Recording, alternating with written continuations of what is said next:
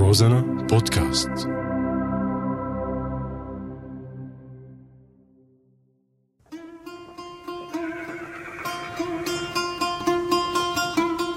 عوالم وأعلام.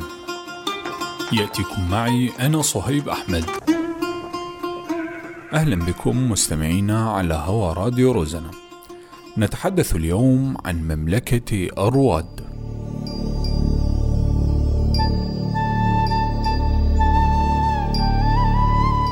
تقع جزيرة أرواد على بعد ثلاثة كيلومترات ونصف عن مدينة طرطوس ويبلغ أقصى طولها 750 مترا وعرضها 450 مترا. شهدت أرضها نهضة مملكة عريقة امتدت إلى الأراضي المجاورة. أطلق عليها اسم مملكة أرواد التي قامت في أواخر الألف الثالث قبل الميلاد ويرجح أنها معاصرة لصور وذكرت مصادر أخرى أنها كانت خاضعة لها لكنها استقلت عنها وأخذت تنمو وتؤسس مستعمرات ومدن على الشاطئ. فعرفت تلك المدن ببنات أرواد مثل عمريت وبانياس وجبلة ومن بعدها أصبحت تابعة للدولة الأكادية.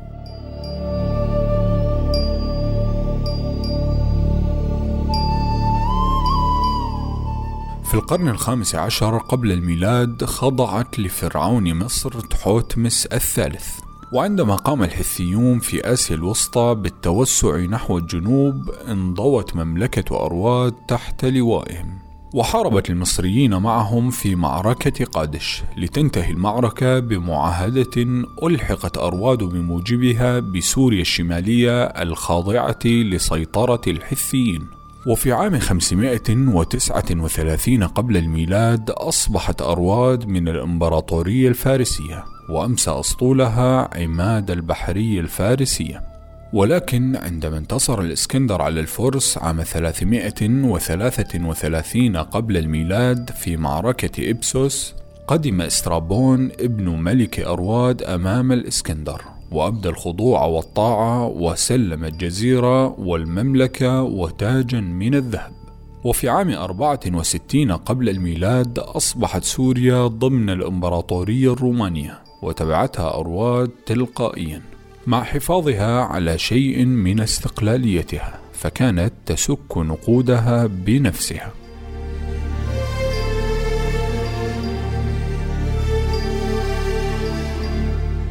بعد بعثة السيد المسيح وحسب مؤرخين انتشرت فيها الديانة المسيحية وخاصة بعد أن مر فيها القديس بولس وهو في طريقه إلى روما. فبث فيها الدين المسيحي وبقوا على هذا إلى أن فتح المسلمون عام 676 للميلاد على يد معاوية بن أبي سفيان.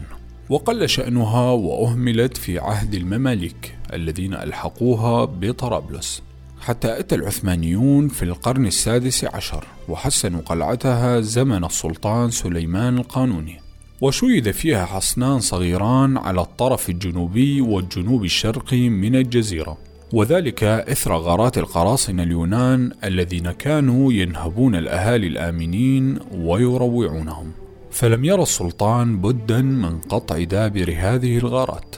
فجلب عدة عائلات من المرقب وقلعة صلاح الدين. الذين عرفوا بشدة البأس وقوة الميراث وأسكنهم في أرواد بعد أن خصص لهم الرواتب وفعلا تغلبوا على القراصنة بعد مناوشات عديدة.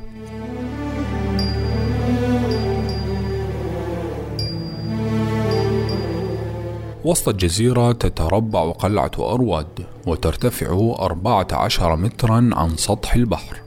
يتم الدخول إليها عبر درج جانبي وينتهي بباب ينفتح على بهو يوجد على يمينه سلم حجري ضيق يصل إلى السطح ويؤدي البهو إلى ساحة تحيط بها غرف تحتوي مواقد للتدفئة. وبعضها يحتوي آبار ماء تتجمع فيها مياه الأمطار بواسطة قنوات ويزيد في تحصينها أربعة أبراج. تتوزع على جدرانها الشرفات ومرامي النبال والمسننات الحجرية. وقد خصص البرج الجنوبي الغربي كمنارة بحرية لهداية السفن. وهي عبارة عن بناء مستطيل الشكل مبني من حجارة رملية مستخرجة من مقالع الجزيرة. ويرجح المختصون أن شكلها الحالي يعود للقرن الثالث عشر الميلادي.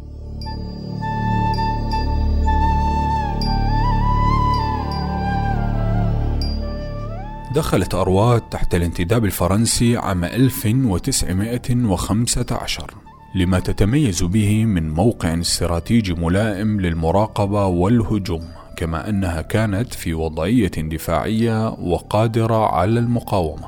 وأصبحت كافة معاملاتها تمهر بخاتم حكومة أرواد وصكت طوابع وجوازات سفر وبطاقات شخصية. وساهمت بشكل فعال في تقديم المساعدة إلى جبل لبنان ضد جمال باشا السفاح. ثم بدأت مقاومة المناضلين لحكومة الانتداب وأصبحت قلعتها تستقبل الزعماء الوطنيين الذين تعتقلهم السلطات الفرنسية. حتى غدت عن جدارة تحمل اسم معقل الأحرار وتعتبر القلعة أبرز ما تبقى من مملكة أرواد. والتي شيدت على أنقاض حضارات متلاحقة منها فينيقية وأشورية وفارسية ويونانية. صهيب أحمد روزانا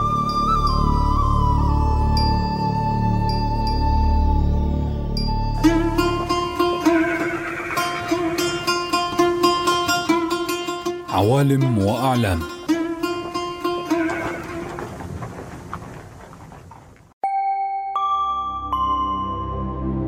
روزانا بودكاست